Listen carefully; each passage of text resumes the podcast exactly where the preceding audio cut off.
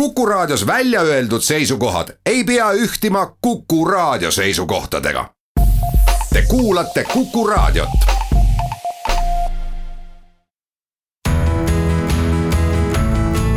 kuku Raadio nädala kommentaar. tere, mina olen Kivisildnik ja soovin heale raadiokuulajale kõrget potentsiaali. oleme ausad. see lause läks nüüd natuke käest ära soovi inimesele kas hüva potentsiaali, kallist potentsiaali, päikeselist potentsiaali või söödavat potentsiaali, jutu mõte jääb ühtviisi hämaraks. ükski normaalne inimene ei kasuta sõna potentsiaal ja kui keegi on potentsiaaliga üldse kunagi kokku puutunud, siis kas füüsikatunnis või on ta naabrite arvates potentsiaalne kurjategija, siis küll. aga hoiame Mehhiko lippu kõrgel kui oleme endale kord juba potentsiaali kaela võtnud, siis üritame välja rabeleda. Pole mingit mõtet sõnavaraga idvistada. ma võin muidugi juhust kasutades korrata pool tosinat korda sõna nünn. nünn, nünn, nünn ja veel kord see ära neetud nünn ja ongi igalühel selge, et kivisildnik on eriti küllusliku ja eksootilise sõnavaraga intellektuaalne poeet, kellel pole midagi öelda normaalne luuletaja ei kuhja tähenduseta sõnarisu, vaid leiab sobiva olmelise võrdpildi. nünni või potentsiaali kuuldes tuleb kodanikul silme ette tühjaks saanud akuga mobla must ekraan. ja üldse on elust näidete toomine libe tee. väga paljudel ei ole elu, pole kunagi olnud raadio ette eksinud loogikutel tekib nüüd muidugi küsimus, et kui inimesel pole elu, ehk on ta siis surnud. loogiline, aga vale täpsustan.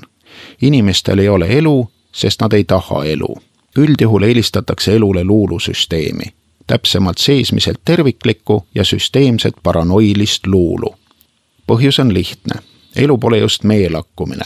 luulusüsteem võib aga olla milline tahes. menukas luulusüsteem on nagu rätsepaülikond, pea järgi tehtud sobib nagu valatud ja on mugav pealegi. paranoiline luulutööstus võtab sihikule kõige nõrgemad, lapsi menetletakse juba hallidest aegadest peale lastekirjandusega ja iga päev lisandub mõni uus nutiluul, mis varem või hiljem viib dementsuseni. selline on luulusüsteemi potentsiaal. toon mõned konkreetsed näited, mõned nimed, mis võivad kõnetada nii nutidementseid kui ka töö- ja alkodementseid põlvkondi.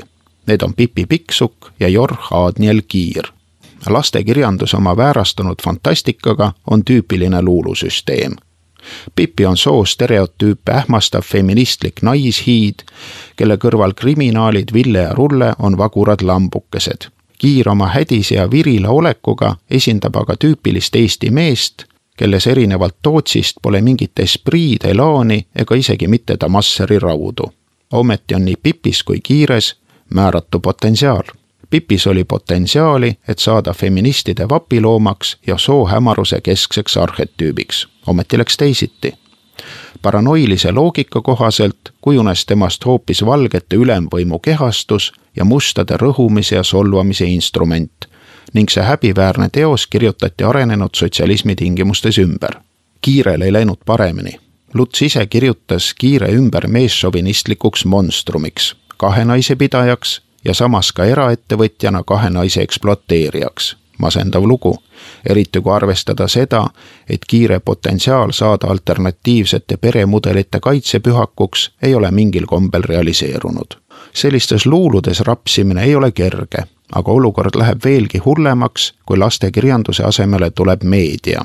meedia fantaasiad on juba täiesti perverssed kuid omamoodi on nad lastekirjanduse edasiarenduseks kuidas teisiti saaks võtta väidet, et meie ühiskonnas on probleemiks ei tea millisest sajandist pärit machod, machomehed. Machode päritolu sajand ja geograafia on teadusele hästi tuntud. see agressiivne, domineeriv, raevukas ja julm mehetüüp on pärit eelmise sajandi neljakümnendate Mehhikost. sõna macho ise on hispaaniakeelne ja tähendab isast. loed lehte, vaatad Jüri Ratast ja mõtled, potentsiaali on selgest õelusest lappasin läbi mõned macho fenomeni käsitlevad teadustööd, muude hulgas Matthew Gutmani The meaning of macho being man in Mexico City, mida ma soovitan neile, kellel on tungiv vajadus Itaalia kommunistliku partei asutaja Antonio Gramsci tsitaatide järele. aga mis me ikka ajakirjandusega vaidleme? kui hipsterid ja toslemid on üleöö machodeks muutunud, olgu siis pealegi. milles on probleem? kui Eesti mehed on omaks võtnud mehhiklaste väärtused, kas pole nad siis head multikultuuri edendajad ja avatud ühiskonna entusiastid? globalism on lõpuks ometi meie paesel pinnal õitsele löönud. milleks ehitada müüri Eesti ja Mehhiko vahele? keset ookeani pole see töö niisama lihtne. ja kui machod on probleem, kas siis tuleb ümber kasvatada ka Eestis elavad mehhiklased? või koguni Eestis turistidena viibivad mehhiklased, nagu ka diplomaatiline korpus ja võib-olla veel keegi. Meeste ümberkasvatamise majandusel näib potentsiaali olevat, leiaks ainult investori. Ladina-Ameerika on suur ja lai, ränderaamistik on alla kirjutatud, poliitiline tahe läheneb voluntarismile. ma näen siin mitte ainult potentsiaali, vaid ka perspektiivi. tänan tähelepanu eest. kuku raadio nädala kommentaar